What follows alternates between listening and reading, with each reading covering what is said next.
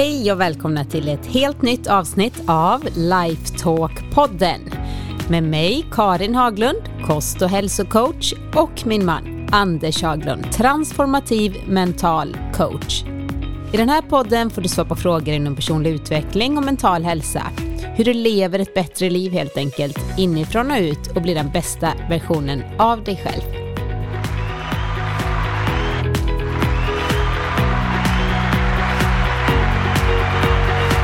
Hej snygging!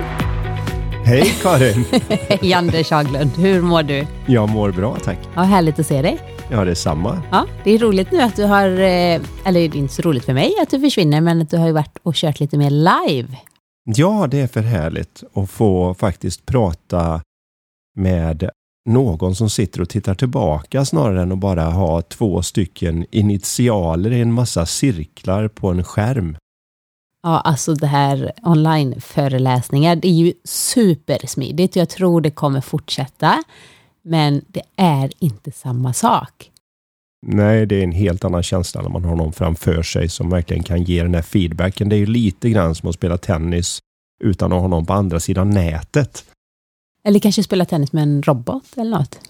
Det kommer säkert sen. Paddle, man hittar ingen paddelkompis som man ringer in en robot.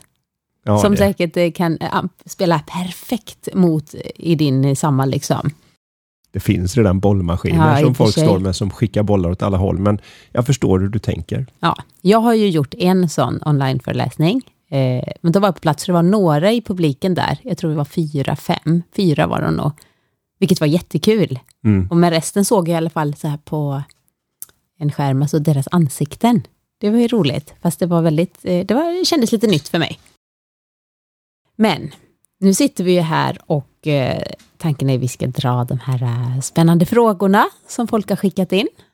Mm. Ja, du är lika laddad och lugn som vanligt. Ja, det är ju ingen idé att hitta Nej, på nej. något i förväg när jag inte vet vad det är. Nej, det, du är så mentalt klar nu att kunna ge dina allra bästa svar.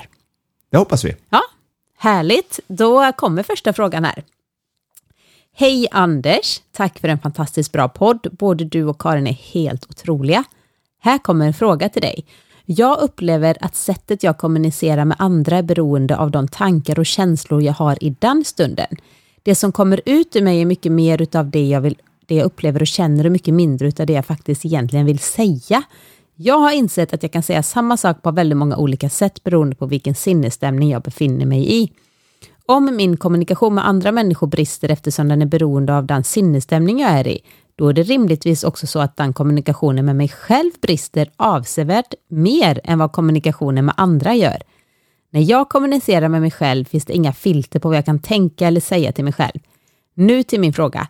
Hur ser du på principerna bakom kommunikationen med dig själv och med andra? Och hur blir man bättre på kommunikation?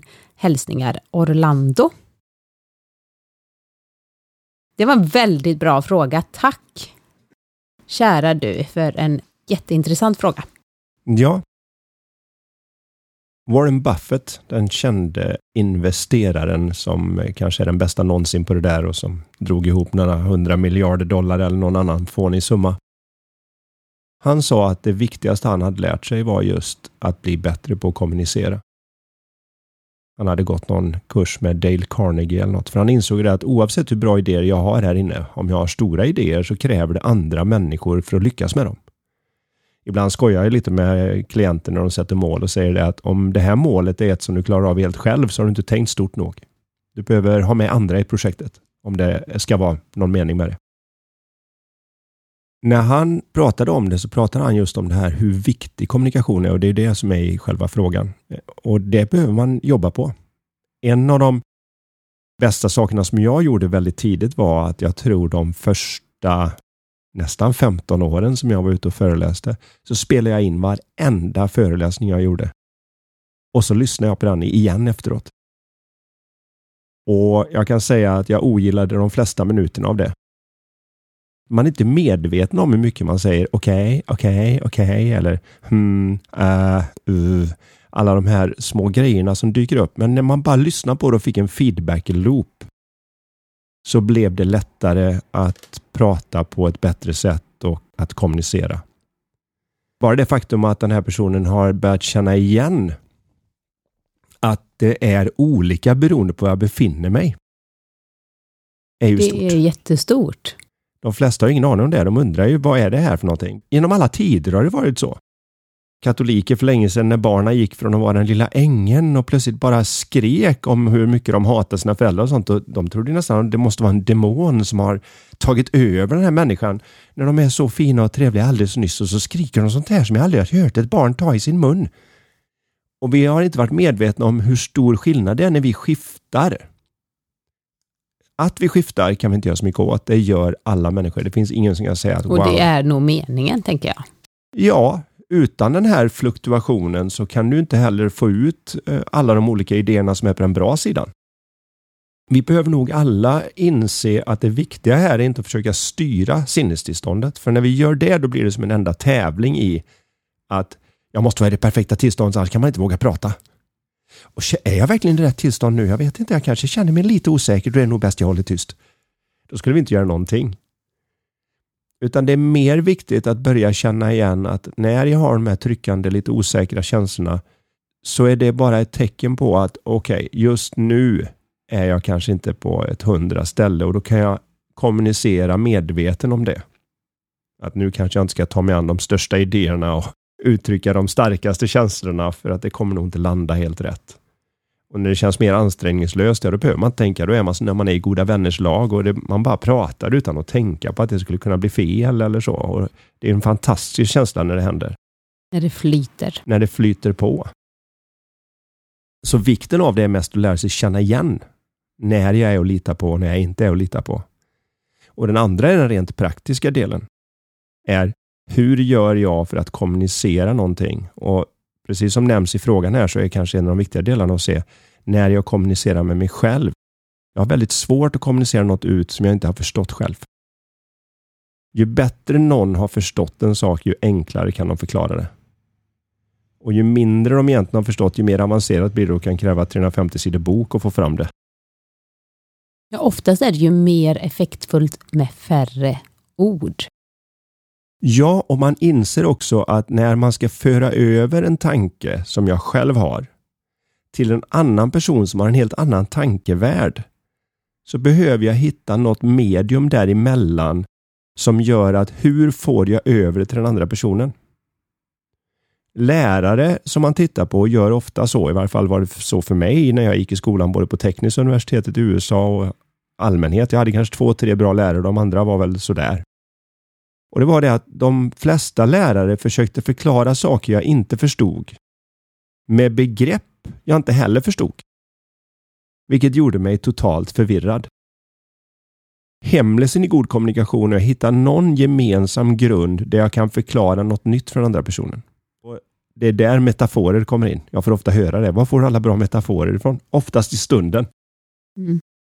Så om jag sitter med en liten kille som åker motocross så måste jag på något vis kunna lite grann om motocross för att kunna vända det så att jag kan säga okej, okay, hur skulle jag kunna förklara prestationspsykologi och hur vi faktiskt fungerar via motocross? För då kan jag ta någonting som den här personen känner till och koppla det till någonting som de inte känner till än. Och när den kopplingen sker så får du alltid ett aha, ja men då fattar jag. Och det är egentligen vad kommunikation går ut på när man sitter så här i en podd eller när jag föreläser för 400 personer, då kan man inte ha den nivån av prickskyttegevär, utan då får man ta metaforer som känns allmängiltiga. Man kan ibland få den efter en föreläsning. Jag tycker du borde ha gått in lite mer exakt på vad det innebär att vara chef på ett företag. Ja, men nu måste jag ju ta allmängiltiga metaforer så alla är med. Mm. Och Då kan man ta sånt här som händer i livet för oss alla. Hur många här är föräldrar kan man fråga, så får man se hur många händer dyker upp nu. Ja, då kan jag ta en, en barn-föräldra-metafor för att förklara något helt annat. Om hur det funkar på arbetsplatsen eller liknande. Men där är ju du otrolig. Det, det är någonting som sker väldigt naturligt för dig. Du behöver inte tänka så här, nu ska jag fundera här, vilken bra metafor, för jag har den här publiken. Utan det är som du säger, det bara händer. Det är som en talang du har. Alltså du är grymt duktig på det. Om man nu inte besitter den. Jag pratar inte i massa olika metaforer och jag är inte så bra på det. Nej. Men jag är väldigt bra, skulle jag säga, på att kommunicera känslor. Alltså jag Eh, och när någon frågar så här, ah, men hur har du gjort den här raw food-bakelsen eller de här barsen, så de är så goda. Och då, då blir jag så där, om jag skulle höra mig själv efterhand så tänker jag, men gud, jag låter så här, ah, det är så enkelt, låter så pepp. Men det är för att jag tycker det, så jag kommunicerar, mm. först gör du så här, sen är det det, och sen är det viktigt att du väljer rätt eh, bra kvalitet på den här rå kakaon. Och så liksom har jag sån inlevelse, och jag behöver inte tänka på det, utan det sker naturligt, och då ser de så här, åh, det verkar ju jätteenkelt. Alltså man överför sin egen upplevelse och känsla till den som lyssnar. Ja. För orden är väl bara en, jag vet inte hur många procent det är. Enligt men... en undersökning så är eh, orden eh, ungefär 7 procent. Just det. Så det är mycket mer viktigt hur vi pratar. Och rösten och tonfallet och så vidare. Och det var precis det Orlando är inne på det här just med hur känslan ja. det man, hur man mår i stunden, avgör vad är det som sägs och hur, hur det sägs och hur uppfattas det. Ja. Enligt undersökningen då så är själva orden 7 procent och uttrycket i dem, alltså hur du säger det, 38 procent.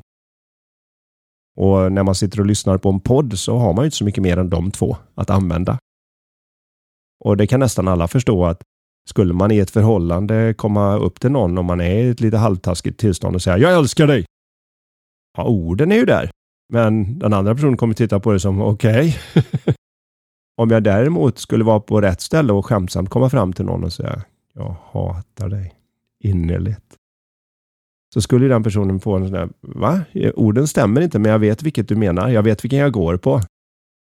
Så de 38 procenten vinner över de 7 procenten där. Vad är då de 55 procenten som är över för de som kan få ihop matte till 100? Jo, det är ju kroppsspråket. Så hur jag, om jag säger någonting och försöker tala om att det här är sant, men samtidigt skakar på huvudet så att huvudet säger nej, men orden säger ja eller tonen säger ja, då kommer nästan alla gå på att det är något lurigt här, för 55 procent av det vi säger nej till detta. Det är något som inte jag stämmer. Jag tycker också att man kan se det i ögonen på något sätt, om någon pratar sanning eller... Och det är jättekonstigt egentligen, hur ska vi kunna se det? Men det är ju säkert inbakat i de 55 procenten, någonting vi sänder ut som vi kan liksom... Jag tror vi kan känna att någonting är lite lurt, men specifikt säga att vi vet hur de ljuger, det, Nej, det har, det har de, de bästa av de bästa, vi säger CIA, FBI, de som sysslar med inget annat. Det är jättesvårt att kunna, till och med med lögndetektorer och allt möjligt, lista ut. För det har väldigt mycket att göra med hur många gånger har jag sagt i mitt eget huvud och tror jag på det själv? Förstår du? Så om jag har repeterat det tillräckligt ofta så kommer det ut som en sanning. Eller om jag tror på det hårt. Men kanske det viktigaste jag vill fram här, snarare nörda ner mig i just den undersökningen, det är att det finns en sak som trumfar allt det. Och det är känslan bakom. Så det låter ju som att okej, okay, hur du säger det, vad du säger och kroppsspråket som backar upp det så är vi 100% där. Nej, om inte den här genuina kongruenta som vi kallar det, alltså när allting gällar ihop och man märker att det är någon känsla. Den går inte att mäta. Vi kan ju spela in våra röster här så att ord och ton kommer in. Med ögonen kan vi se kroppsspråket. Men den där känslan som är mm, ser ut som en anka, går som en anka, är ingen anka. Den går på någon annan bandbredd som vi inte kan mäta än. Men jag vet att den finns där. Det är någonting, du vet när man säger det, bara konstiga vibbar eller... Det kommer i framtiden. Ja, det, det är som allt annat. När Einstein sa saker, eller vi säger Newton sa saker om gravitation och vi skulle lista ut hur krafterna fungerar. Vi kan ju inte se det. Vi kan, vet inte vad det är. Elektromagnetism, elektricitet, massa saker. Vi kan inte se det och inte men vi kan, efter ett tag så kan vi mäta att, aha, gravitationsvågor i universum. Det är så litet så de fått bygga miltals med ledningar för att kunna mäta det. De skulle finnas där, märks inte, märks inte, märks inte och så plötsligt Boom! När de byggde en till bra grej så kunde vi mäta. Jag vill påstå att det är en av dem. Det finns någon annan form av kommunikation mellan människor som sker i, i den bakomliggande känslan var jag kommer ifrån. Och ingenting är viktigare än den känslan. Det är därför när någon genuint gillar en så är man inte så noga med kroppsspråk och ton och vad de säger. För det spelar inte så stor roll för jag känner ju att du vill mig väl om en människa å andra sidan man har fått för sig att när du vill inte mig väl, du är ute efter något eller vad det nu än är. Ja, det spelar ingen roll hur bra kroppsspråket stämmer och vad de säger och det. För det som trumfar alltihop, eh, har vi den rätta känslan här? Och det vet ju folk i ett förhållande. Det, när känslan finns där, då, då, går det inte att göra så mycket fel. När känslan flyger ut genom fönstret, ja då kan man knappt göra någonting rätt. Och det har väldigt lite att göra med det där andra. Så att akademiskt så är det de där 100 procenten, men sen är det någonting då som har trumf på alltihopa där. Så när vi vill väl, när vi kommer in i en kombination, om man är chef på ett företag och någonting, om de, de anställda genuint kan känna att jag vill att det här blir bra och jag vill att det blir bra för allihop. Vi är alla med på tåget. Jag är den typen av person. Samma som när man hade någon lärare i skolan när man kände att sträng, eländig och jag vet inte om jag, vad jag tycker om deras stil, men jag känner att skulle jag få problem, då säger de jag stannar en timme efter skolan och så lär jag dig den här grejen. Jag kommer hem och pratar med dina föräldrar om jag vet att du har problem hemma. Det är det där hård yta med en hjärta av guldkänslan.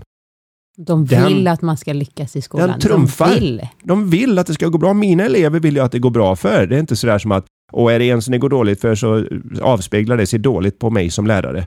Då struntar vi i det. Jag tar de som vill lära sig, de lär jag. De andra får klara sig själva. Men det är vissa då som har den där, nej, alla är med på tåget här. Vi lämnar ingen bakom. När du går min klass, då ska du lära dig det här, för jag vet och jag ska förklara varför det är så viktigt att kunna det jag ska lära ut. Och de som hade den känslan, det spelar ingen roll om de hade den andra kombinationen. Riktigt, för du, den känslan trumfar.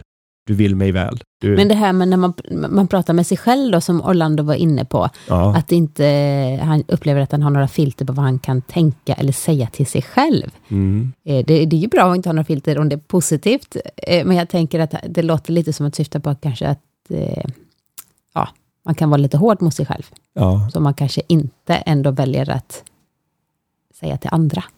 Jag tror att varenda människa kan känna igen sig i det jag kommer säga nu, vilket är att oavsett hur hård, elak eller tuff du någonsin har varit mot en annan människa, är det inget mot vad du har varit mot dig själv. Det är som att vi tror att om jag börjar hård nog mot mig själv så ska jag äntligen fatta. Det är som att vi uppfostrar den idén att man på något vis kan straffa sig själv in i rätt beteende.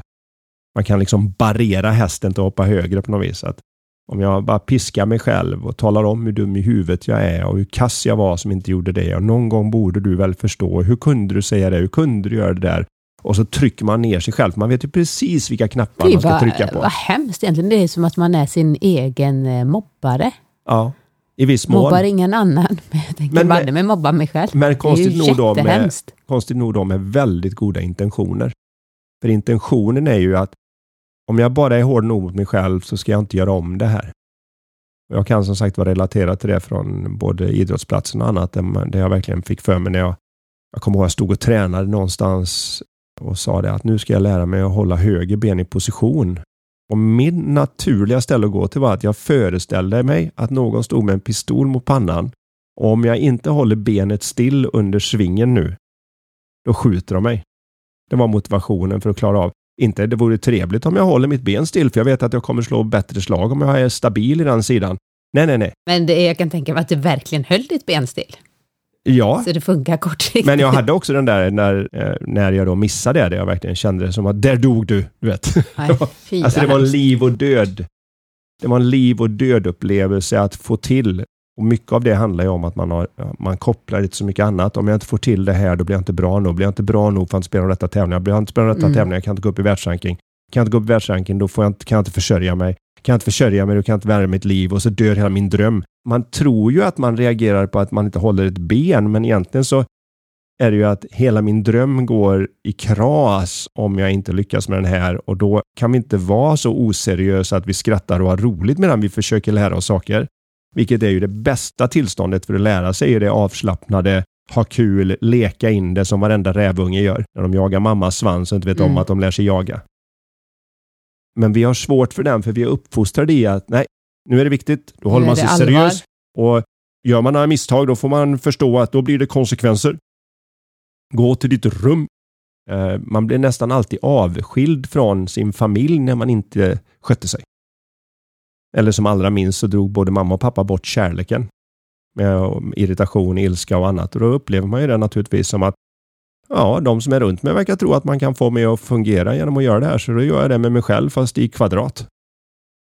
Så de trodde att det var lite som den här, du vet, med Toreadoren Ferdinand på eh, tjuren där, mitt eh, på julafton. Att bandriljärerna var rädda. Picadorerna var ännu räddare, men räddast av dem alla, det var Toreadoren. Och det blir lite grann den där som att Ja, tränarna och kompisarna de är hårda mot mig. Föräldrarna är ännu hårdare mot mig, men hårdast av dem alla, det är jag. Och det borde äntligen få ordning på mig då. Om alla är så här, då borde jag ju kunna äntligen få till det och bli en vettig människa som är på något vis skötsam, eh, gör det man ska. För alla vill ju bidra till samhället och känna att man passar in och att folk gillar en. Det här är ju väldigt mänskliga drivkrafter, men vi sitter fast i det gamla arvet. Men hur kan man då vara lite snällare mot sig själv? Det första är att se det. Att oj, det här är inte vettigt.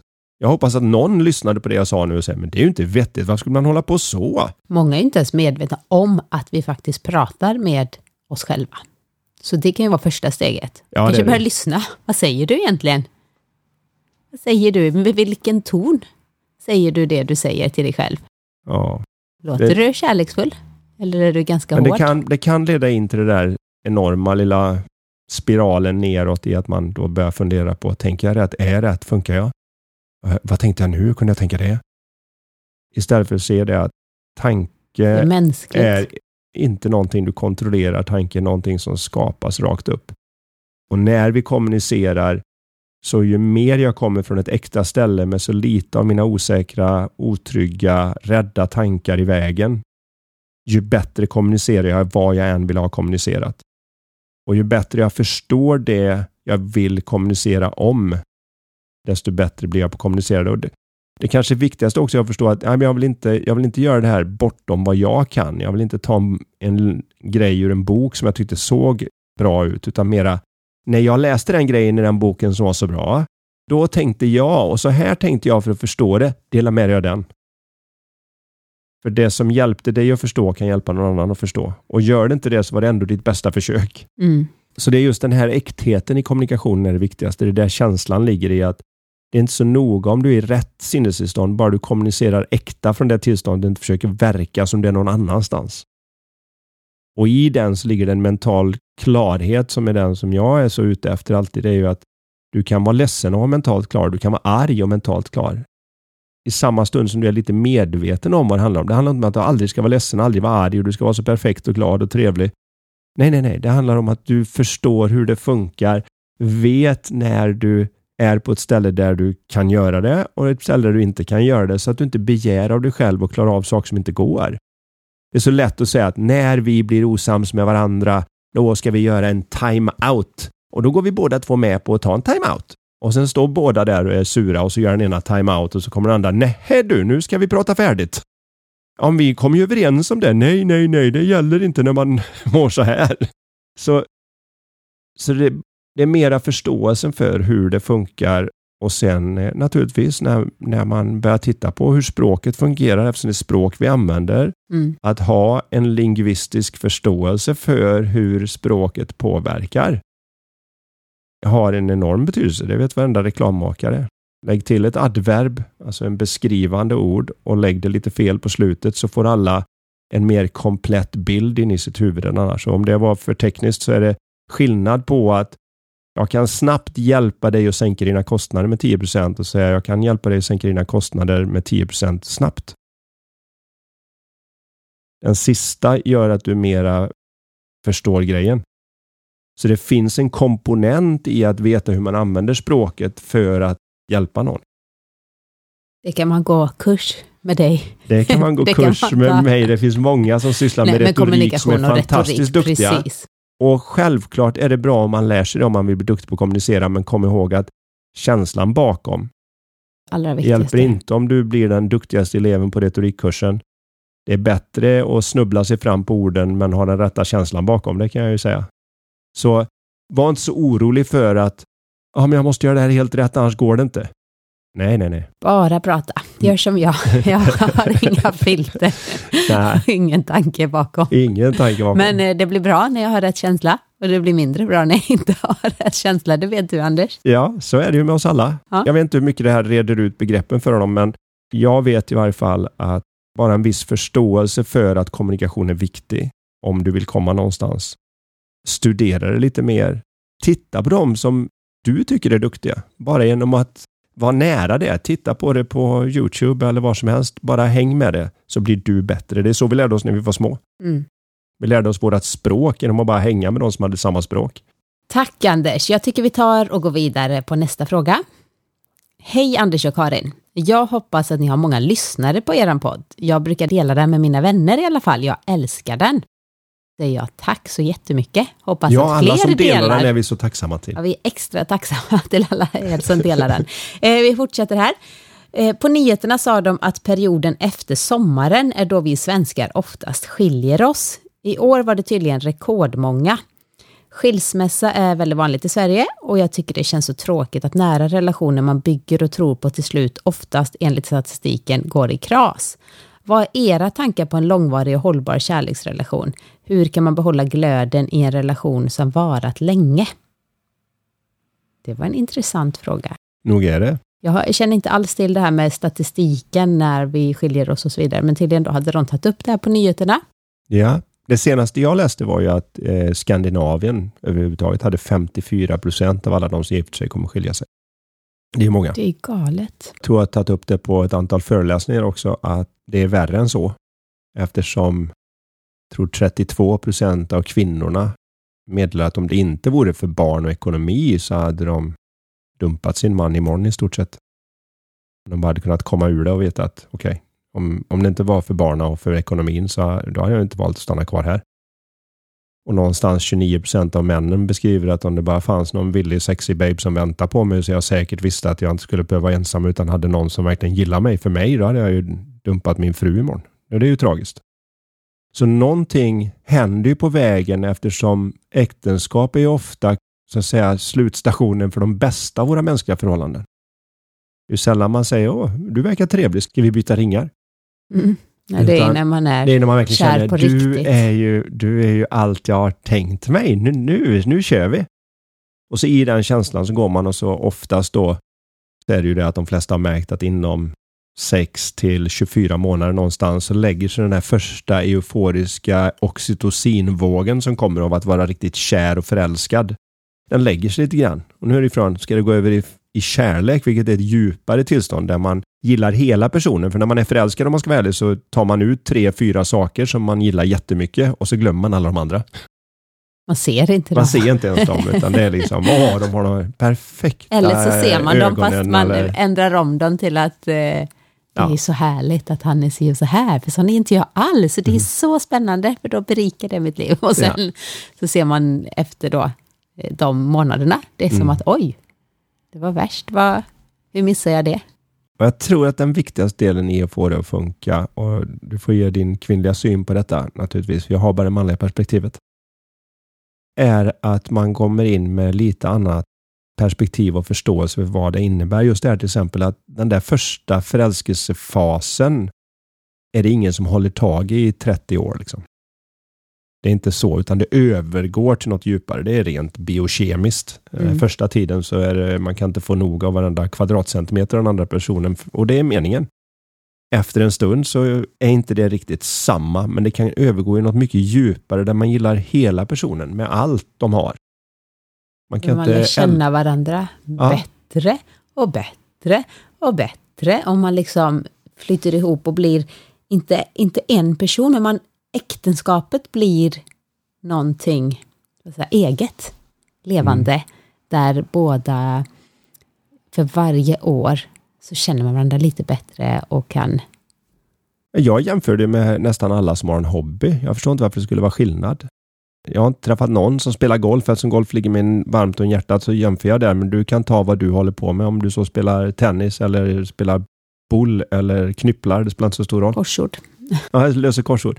Men det är nästan ingen som säger där att nej, nu har jag gjort det här i fem år så att nu, nu var Är det det nog dags för en jättetråkigt. ny hobby? Jag ska nog väl- börja på noll. Utan det är mera just den där att ju mer jag kan om detta, ju mer jag nördar in i det här, ju mer intressant blir det. Hade du en aning om att andra världskrigets stridsflygplan var tvungna att göra det här med sitt landningsställ och de hade ett speciellt gummi för de kunde inte tillverka som vanligt så de var tvungna att göra det. Och när man väl dyker ner där i och börjar kunna mer och mer om någonting så är det som att man blir mer förälskad i sin hobby på ett sätt. Så att man, tycker det är ännu roligare nu när jag förstår varför arkitekten på golfbanan la en bunker där och ett vattenhinder där och varför klubborna är gjorda så på ett speciellt sätt och de passar till mig.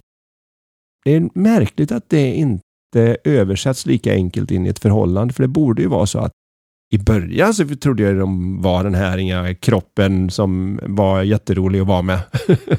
och nu så nu så känner jag dem och de har de här små quirksen att varje gång som det här händer då gör de det här. Och... Fast då har du förstått kanske då också varför när det händer gör de så. Alltså mm. för du vet hela storyn bakom. Ja, det blir på engelska har de ett ord som heter endearing. Jag vet inte riktigt hur man översätter det, men det blir någonting som är gulligt eh, i att de är mänskliga, att de inte är den här perfekta, utan att man gillar det med hela grejen, där man vet att ah, där har de det lite sådär jobbigt. Åh, där kan jag hjälpa till. Jag tror ingen egentligen ville vara, vara ihop med sin perfekta partner, om vi ska vara ärliga. Vad, vad ska, om, om de är så perfekta, vad ska de med dig till? så det blir lite grann av att hemlisen att få ihop det här är att vi kommer in med rimliga idéer snarare om det här med the one som ska lösa allting. Många när de går in i ett förhållande tror att ett förhållande är 50-50, att man går in och så gör man någon sorts kompensation från varsitt håll och så får vi det att funka. Men jag anser ju att det är att man går in 100-100. Och det är det enda sättet. Man måste liksom gå in med hull och hår och ge det allt man har. Och gör man det, då kan man få reda på att det blir så bra som mänskliga förhållanden kan bli. Går man in för att försöka ändra på den andra personen så att de ska passa till den tankebild jag har om vad den ideala partnern är för någonting, då kommer de snabbt bli ens värsta mardröm. Det är jag övertygad om. För det är ingen av oss som känner att det är speciellt mycket villkorslös kärlek i att jag gillar dig om du är som jag vill att du ska vara. Utan det ska ju vara mera, jag älskar dig så jag vill att du ska vara mer av den du är. Med allt vad det innebär. Som... Och det går som allt annat i perioder tror jag. Det finns nog ingen entreprenör som så att säga blir kär i en idé och ett företag som inte har varit med om både upp och ner där. Elon Musk till exempel var på väg att bli av med alla sina pengar. Och så var han tvungen att slänga in de sista också och klara sig med en vecka ifrån att vara konkurs tror jag innan det blev liksom mm. Tesla och SpaceX och rikast i världen. Men det har inte varit en rak linje. Men hade han inte hängt i så hade han inte fått se den andra sidan. Och jag tror att för många, det är väl kanske en gammaldags syn på det, tycker en del, men jag tycker att för många ger upp för lätt Mm. Så att de det är får lite för enkelt idag. Ja, de får inte reda på den underbart djupa känsla du har på andra sidan när du faktiskt har stött och blött lite grann och gnott mot varandra med sina sidor som inte riktigt passar ihop. Men så länge man gör det med välvilja så kommer man ut på andra sidan som miljardär på något vis. Jaha, nu vet jag ju det om dig. Men jag gav inte upp där och då fanns det något bättre på andra sidan. Det kändes nära konkurs. Jag vet inte om det är någon som har lyckats leva ett långt liv ihop med en annan människa utan att hamna i vissa svackor där det känns som att uh. och sen, Men om man kan se att ja, men det, det är som att det blir vinter på ett år. Mm. Sen blir det vår, så blir det sommar, så blir det höst. Och så blir det en, ett äktenskap också. Ja, det går lite i cykler. Men om man inte tror att det hotar själva förhållandet utan att det är en naturlig del av livet. Så går man inte direkt och försöker skaffa en ny sommar bara för att det börjar bli höst.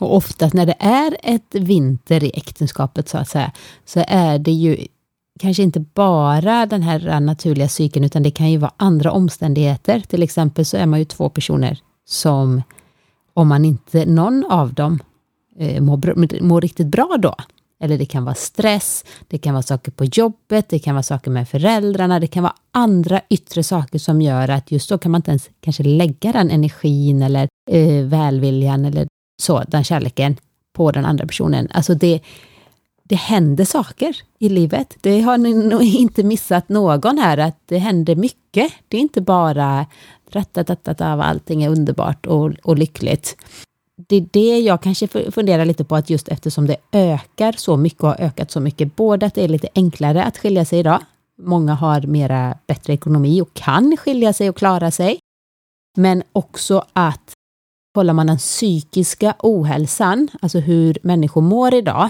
så tyvärr så är det ju fler än för tio år sedan som mår dåligt. Kollar vi, precis, utbrändhet och stress och så vidare jämfört med för 50 år sedan, då är ju den kurvan inte så trevlig heller. Och då tänker jag med de förutsättningarna och tänka lyckliga äktenskap. Äktenskap är ju ändå beroende av att visst tillfälligt kan man komma ur, ur balans och, och må dåligt i olika perioder, men just om man har en verkligen liksom psykisk ohälsa, båda två eller? extremt svårt att komma bra överens med någon annan om man inte kommer överens med sig själv. Mm. Och väldigt många är lite för obekväma. Man brukar säga obekväm i sitt eget skinn. Men enligt mig säger det att jag är obekväm i min relation till min egen tankevärld.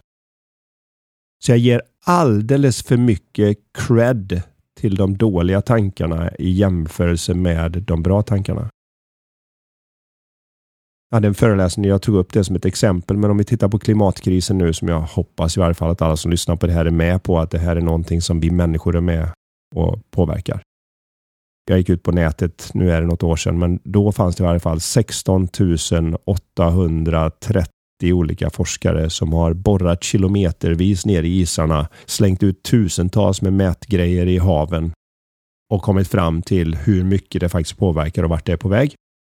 Sen finns det då ett dussin forskare som är villiga att trampa lite på sin egen integritet för att få ett antal miljoner insatta av lite oljebolag och andra.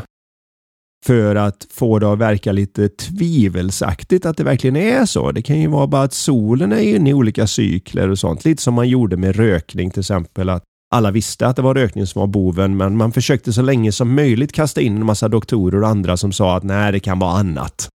Mm man använder lite samma playbook nu vad det gäller den här uppvärmningen.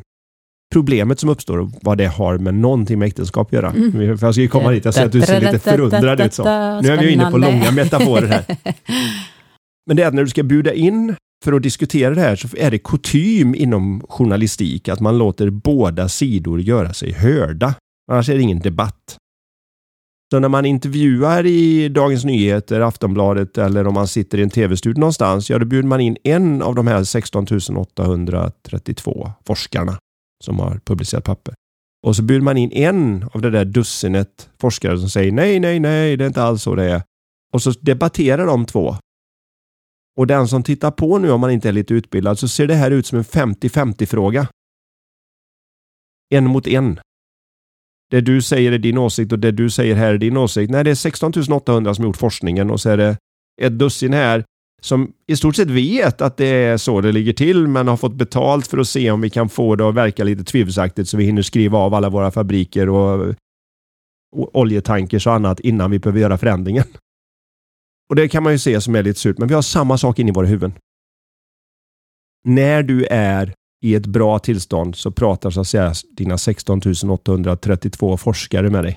Mm. Och de viskar snyggt med rimliga tonfall och bevis. De, de tar inte, gör inte mycket väsen för sig. Det är mer som att ah, men jag tror jag ska gå och äta på den där restaurangen idag och så ska jag ringa till henne och bara fråga hur hon mår. Och väldigt vardagligt, lugnt samtal, men det är liksom dina 16 800 forskare som försöker vägleda och guida dig genom livet. Och så mm. länge du lyssnar på de här lugna rösten lite i bakgrunden så går allting bra. Men så rätt för det blir du upprörd och då kommer ditt dussin forskare fram och säger du kan ingenting och när ska de få reda på hur dålig du är? Och, äh. och vi tar inte bara fram det som en 50-50, vi tar fram det som att den dåliga vinner helt och hållet. Ja, det mm, den skriker dussin, högst. Det är inte en mot en ens, den skriker så högt så att det är bara den som gäller. Och vad jag vill påstå är att när vi gör det som personer, att vi låter så att säga de dussinet betalda missinformatörerna ta över i våra huvuden. Då hamnar vi också i det att vi kan ha tre veckor i ett äktenskap som är fantastiska och vi mår så bra och allting är fantastiskt. Det är ju jättebra det här. Och så har vi fem minuter gräl och så faller allt för där kom sanningen. Där kom, så när den, en av de tolv forskarna hoppar fram och säger Se det här, ni är så olika, hur ska det någonsin gå att leva ihop om man tycker olika om den saken? Då är det som att där kom sanningen. Bra, bra, case closed. Mm. Vi fortsätter att bränna olja här. Det hade ingenting med detta att göra. Och så går vi på den. Det här händer om och om igen. Att vi ger för mycket cred till skriket i våra huvuden från missinformatören som inte riktigt vet vad den pratar om. För den är så högljudd och den tar tag i oss.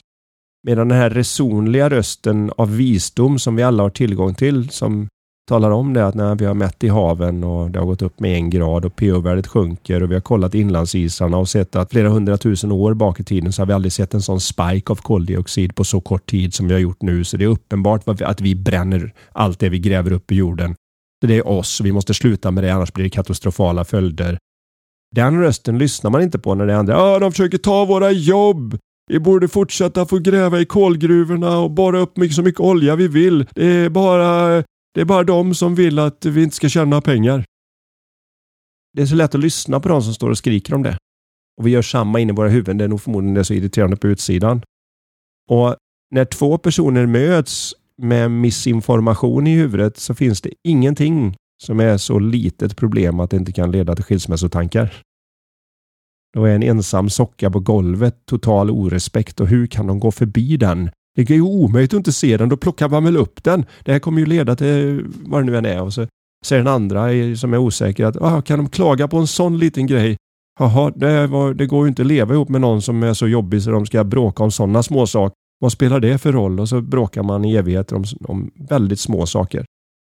När vi däremot är inne i den här lite lugnare mentala balansen, mentala klarheten, när vi kommer från ett bättre ställe i oss själva. Det gäller att se att då kommer sanningen.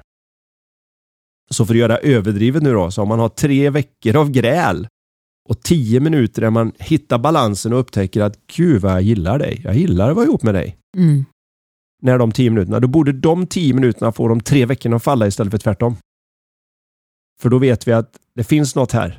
För när jag är på ett bra ställe vill jag vara med dig. Det borde vara facit. Men de flesta mm. gör tvärtom. Att jag är på ett dåligt ställe och det känns som att jag inte borde vara med dig. Där kom facit. Så att vi litar på fel del av oss. Jag tror också det är därför många... innan också i podden. Just det här med mental klarhet och när man ska ta beslut och när man ska så att säga lita på det man känner mm. och tänker. Och det är ju samma här. Ja, det är ju en princip. Så att inte säga att det är samma här är lite grann som att säga att aj, gravitation, det, det gäller inte om man bor i Karlstad. Va? Ja, jag har hört det. När man kommer in i Karlstads gräns där så slutar gravitationen att funka. Nej, gravitation funkar likadant överallt. Det finns inga undantag, så det är inte som att varför pratar ni så mycket om mental klarhet och sånt? Ja, det är för att det finns inga undantag till det. Jag bryr mig inte om om du är en chef som måste ta ett extremt viktigt beslut just nu. Du behöver vänta och se när jag känner mig lugn, när jag är i harmoni, vad du vill kalla det, jag kommer från ett bra ställe, jag har rättat hjärtat mm. på rätta stället. Vad tycker jag då? Ja, då tycker jag vi ska göra så här. Håll dig till det då, för om en timma när du blir osäker så kommer det vara, åh, det kommer jag aldrig gå. Men kom ihåg vad facit var. Facit var vad du hade i din beslutsordning när du var lugn och när du var på det rätta stället. Samma sak i förhållandet. Samma sak när du pratar med barnen. Ta inte upp det när du vill uppfostra barn som allra mest är förmodligen när du ska göra det som allra minst. Nu är du inte på rätt ställe. Och när man ska ta upp någonting i ett äktenskap eller i ett förhållande som man vill typ diskutera, så ska man inte göra det när man är sådär upprörd att oh, man nästan sprutar ur öronen liksom, mm. för att jag måste bara få ur mig det här. Nej, ja. du går och tar en promenad, ring en vän, prata om det när du är lite mer sansad, för den andra personen kan bara se att herregud, vad, vad har hänt med min... Ja, den andra personen känner ju att herregud vad du är irrationell. Du har gjort ja. en jättestor sak av det här lilla. Och alla som har lugnat ner sig har i stort sett alltid hållit med sig själva om att varför gjorde jag så stor sak av det lilla. Mm. Det kan fortfarande vara ett problem som behövs absolut ja. tas upp och man ska berätta hur man känner, men man ska göra det lite mera i det vi var inne på med kommunikation innan, på första mm. frågan. Så ja. ja, men vad har vi nu då för eh, hur behåller man glöden? Ja, hur behåller man glöden? Hur behåller man glöden? Där kan vi gå in då lite grann på ovansidan. Alltså principen är ju att man är på rätt ställe och så vidare. Men det finns ju vissa mänskliga saker som vi alla är med om som man har kommit fram till. Och vi vill ha en kombination av att känna oss väldigt trygga och säkra. Det vill vi nog allihop i ett förhållande. Jag vill inte tro att någon tänker att jag vet inte om de kommer gå ut och ha sex med någon annan eller de kommer plötsligt bara säga nu drar jag härifrån och bor någon annanstans i en vecka eller Ja, jag har bytt hårfärg och klippt av mig håret och nu får du kalla mig vid ett annat namn. Eh, om det, det är för mycket otrygghet, vi vill gärna veta lite grann vad det handlar om. Men om det blir för mycket av den varan, så att vi vet om det, att nu kommer jag hem och så säger vi hej, vad blir det för mat, puss, vad ska vi, ja, då kommer man ju till slut sparka bakut. För man vill samtidigt bli överraskad. Men man vill inte ha för mycket överraskning. Så det här är ingenting man kan lösa utan det här är någonting som man får hålla i åtanke lite grann. Att vill vi hålla glöden vid liv då behöver vi ha både den här trygga känslan av att du och jag men samtidigt då och då bli lite överraskade av någonting där den andra personen eh, hittar på någonting som gör att man liksom oj, det hade jag inte räknat med minsann. Och så lever man upp lite grann, men du vill inte ha så mycket av det så att det blir jobbigt. Är det nya presenter och rosor och påhitt varenda dag så kommer man ju till slut bara ho, jag skulle vilja ligga hemma det... på soffan och bara ta det mm. lugnt lite. Nu vill jag ha det tryggt. Så det här är ingenting som man kan säga, jag är en trygghetsnarkoman eller jag är en äventyrssökare. Jag bryr mig inte om vem du är. Du är på en skala där du behöver båda. Mm. Det är bara att vissa kan känna sig ganska trygga medan de klättrar i berg. Medan andra så utlöser det enbart otrygghet och, så, och då klättrar de naturligtvis inte i berg. Men vi behöver båda den här känslan som oscillerar där. Så ska vi hålla den där lilla glittret kvar i det så får vi ha ordning på det att vi behöver både ta upp med varandra att försäkra att det är du och jag Inget kan ändra på det.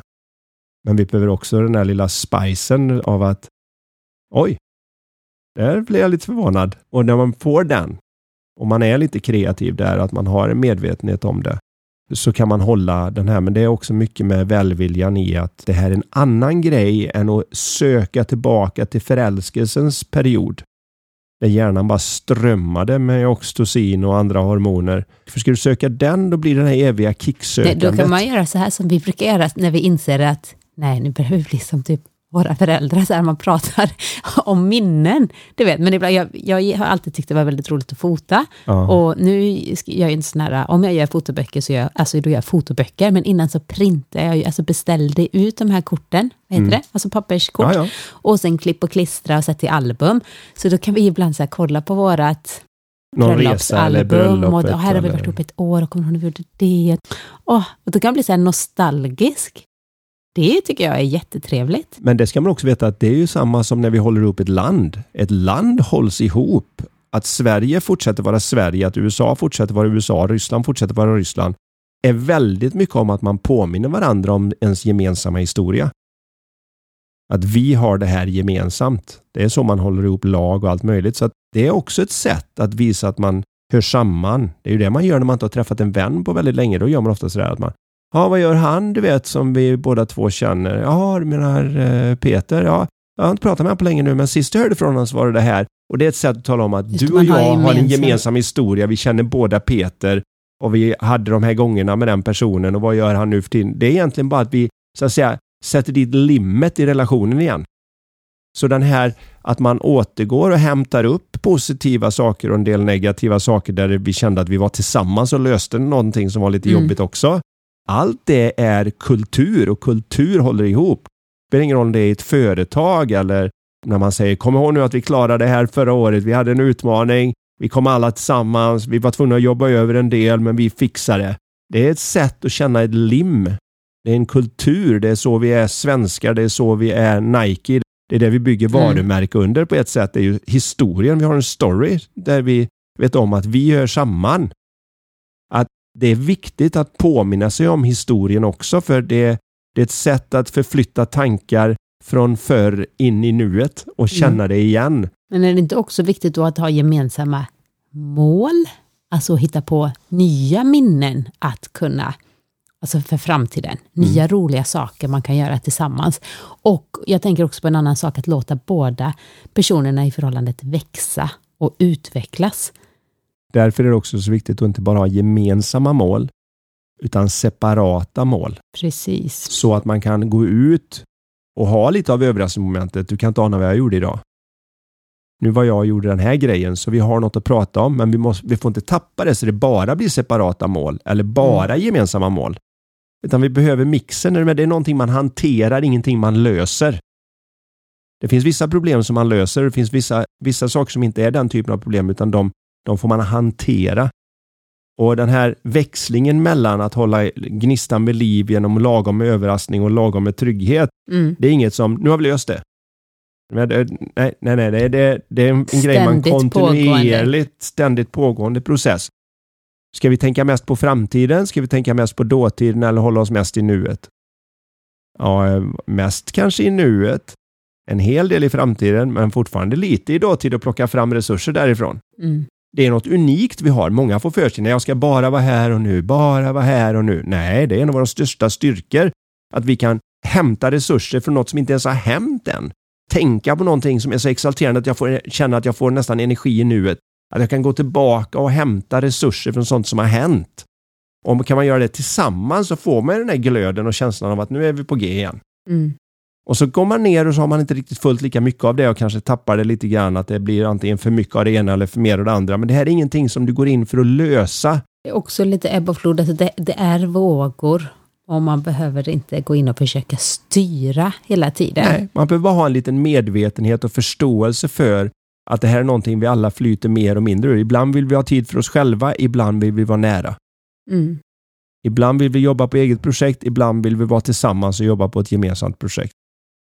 Och eftersom vi är så pass diversifierade vi människor så kan vi klara av att göra allt det här om vi bara ger var sak sin tid och inte tror att det här är något som man ska hålla på med varenda dag, för då är vi helt utslitna istället. För då blir det lite som den här boken de skrev, How to make love work. Ja, jag vet inte om någon vill att en kärleksrelation ska vara ett jobb på det sättet. Nej. Men det kan vara någonting som man gemensamt vårdar. Precis, Tar vårda hand tycker om. jag. Är du Precis. med? Man vårdar Istället som en för att trädgård. jobba på. För Ge det näring, så. klippa ut ogräset. Det, det kanske är en bättre metafor, för metaforerna vi väljer blir ju då lite verkliga. Mm. Det är mycket bättre att se det som en trädgård jag vårdar och får då prunkande grönska som ger den att frukt. bloms, eh, blomstra. Ja, det är mycket bättre än att se det som en arbetsplats där jag ska effektivt få det att funka. Ja, det blir lite tråkigt. Det blir inte så Kanske. romantiskt. Men kanske funkar för någon. Ja, det, vet, man aldrig. De kanske går igång på det. det. Alla har, alla har någon sådär. Liksom. Jag hoppas det kan Ja. ge något svar på det där i varje fall, men det är en förståelse för hur vi människor funkar. Om två personer kommer in med en högre förståelse så får vi alltid lättare att eh, fungera tillsammans. Istället för att försöka jobba på själva paret så är det att var och en av personerna behöver en bättre förståelse. När de kommer tillsammans så funkar paret bättre. Very good. Härligt. Mm. Då är det faktiskt eh, en fråga till mig. Så den lyder så här. Hej Karin, denna fråga går till dig. Hoppas det går bra. Vad anser du är en bra matkost och vad äter du under en normal vecka? Unnar du dig något utöver det? Vad i så fall och hur ofta? Hmm, nu ska inte vi gå in så jättemycket på just kanske exakt vad jag äter, men jag tänker så här. Okej, jag tänker, planerar inte på det sättet som kanske folk tror. Att åh, nu ska vi äta nyttigt eller hälsosamt, hon jobbar med det. Då har man massa tankar kring det och bygger upp det. Och när ska jag unna mig? Vilken dag ska jag unna mig? Hur ska jag kunna veta? Jag lever mycket mer i kroppen, i eh, känslan, dag för dag. Precis lite som det här med sinnesstämningen så fluktuerar vi i vår fysiska kropp. Så jag har blivit, måste jag säga, väldigt duktig på att känna in. Men det är lite som vi diskuterade, tror jag var förra veckan eller förra poddavsnittet, det här med vad är bra mat, hur kan man underlätta? Öppnar du vårat kylskåp, där finns det så mycket hälsosam, bra, god mat. Finns det godis, chips och läsk? Nej, det har vi inte hemma. Det har vi aldrig hemma. Och det här med unna sig, det är också intressant för att jag ser det som att jag unnar mig min fantastiska frukost. Jag är ju en frukostnörd. Däremot kör jag periodiskt fasta, så det innebär att jag äter tidig middag och sen frukost. Men jag gillar verkligen min frukoststund.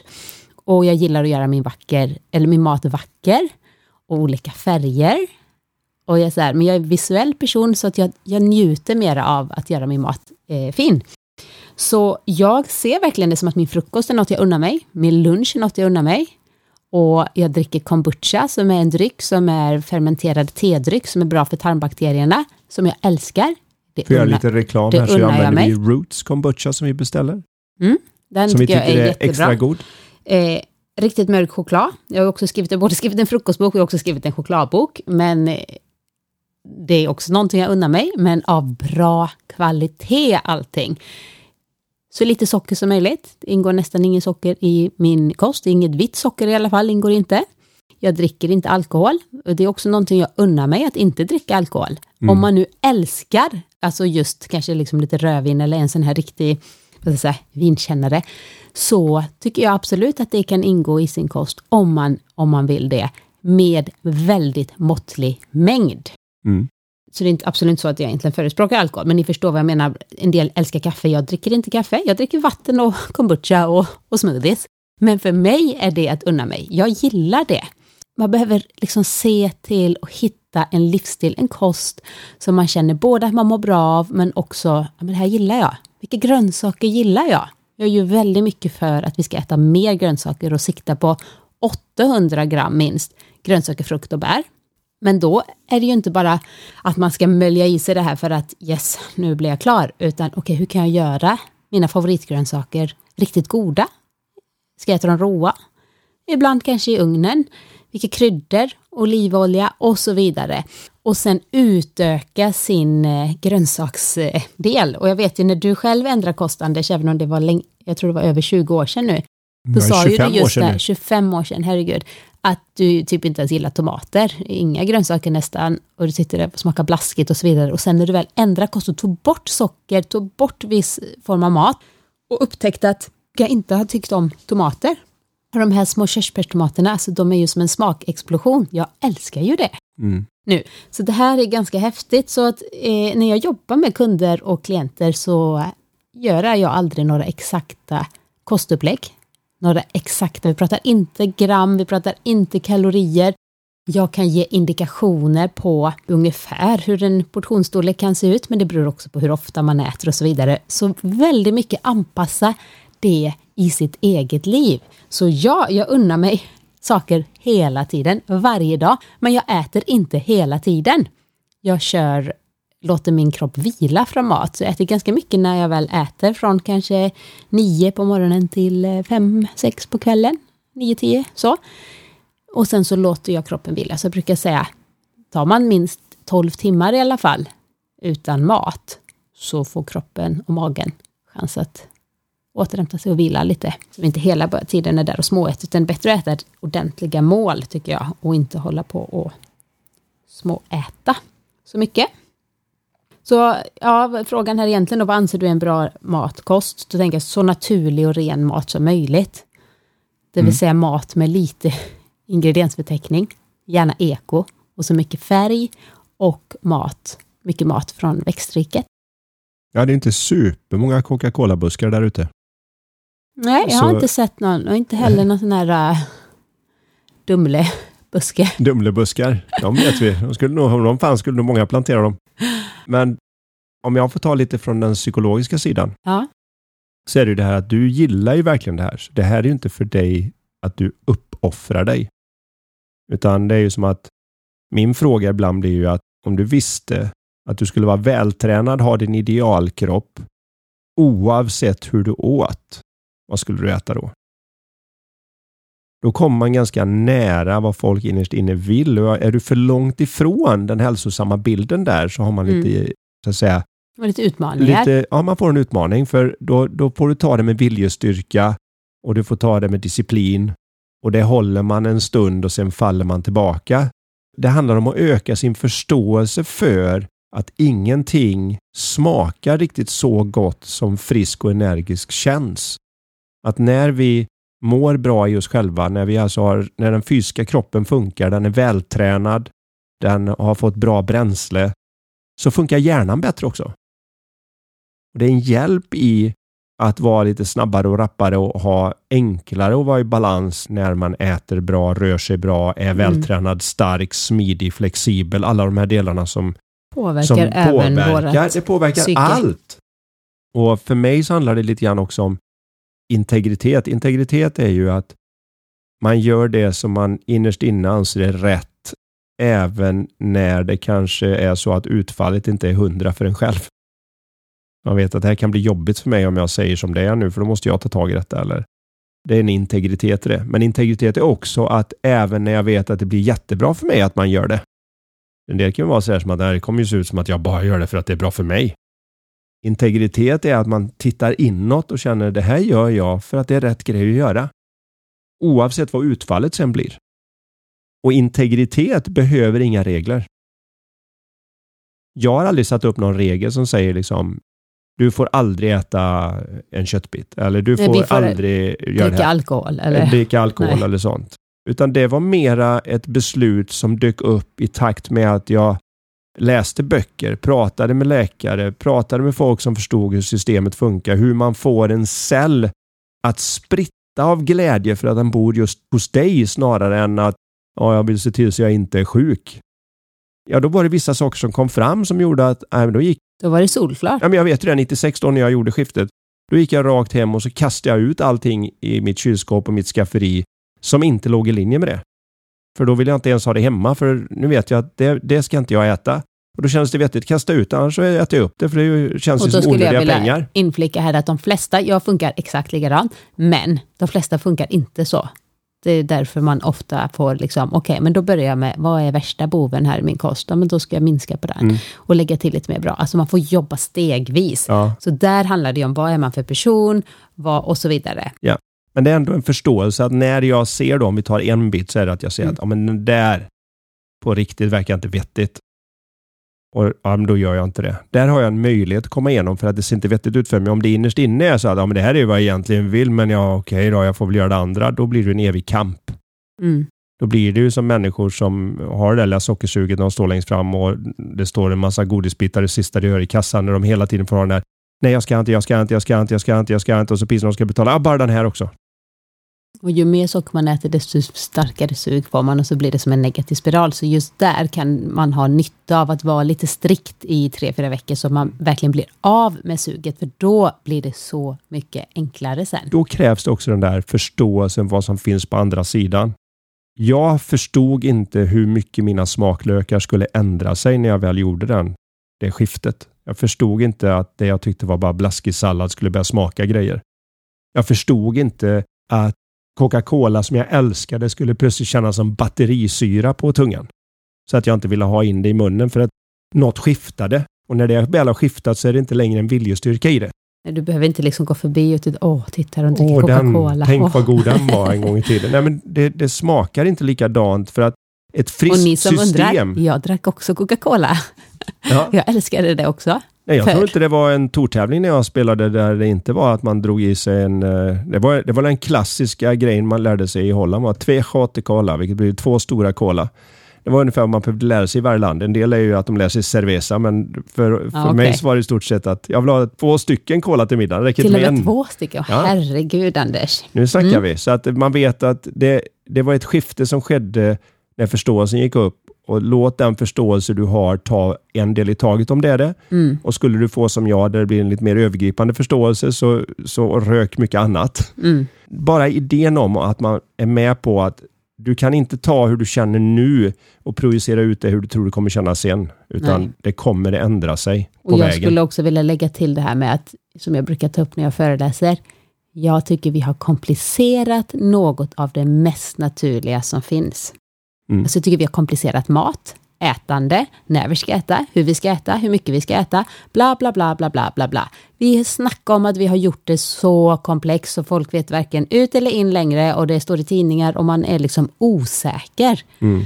Men det går egentligen att tänka ganska enkelt kring det här och håller man till den enkelheten, det lustfyllda i det och inspirationen så kommer man så himla långt. Det tror jag stenhårt på. Endast det enkla är möjligt när det väl är på riktigt. Tr- so true. Så nu sitter jag här och viftar igen med det här Oj, kortet som igång. avslutning, för eh, vi babblar på här, men väldigt Mm. trevligt avsnitt Anders. Så vi avslutar med ett kort från vårt Lifetalk-spel som vi brukar avsluta med. Och idag sitter jag med den här frågan.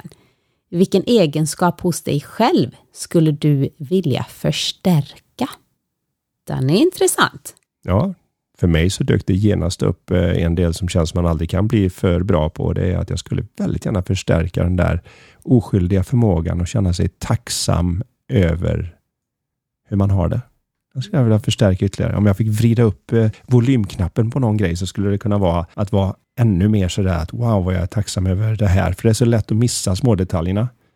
Nu svarar jag på frågan för mig här, men jag Ja, ska men det är svara efter jättebra. också. Jag vill gärna också vara ännu mer tacksam. Så Yes. tack snälla ni. Nu är vi så tacksamma här för att ni lyssnar på oss och vi är tillbaka igen om två veckor. Ha det, vi. bäst. Hej då!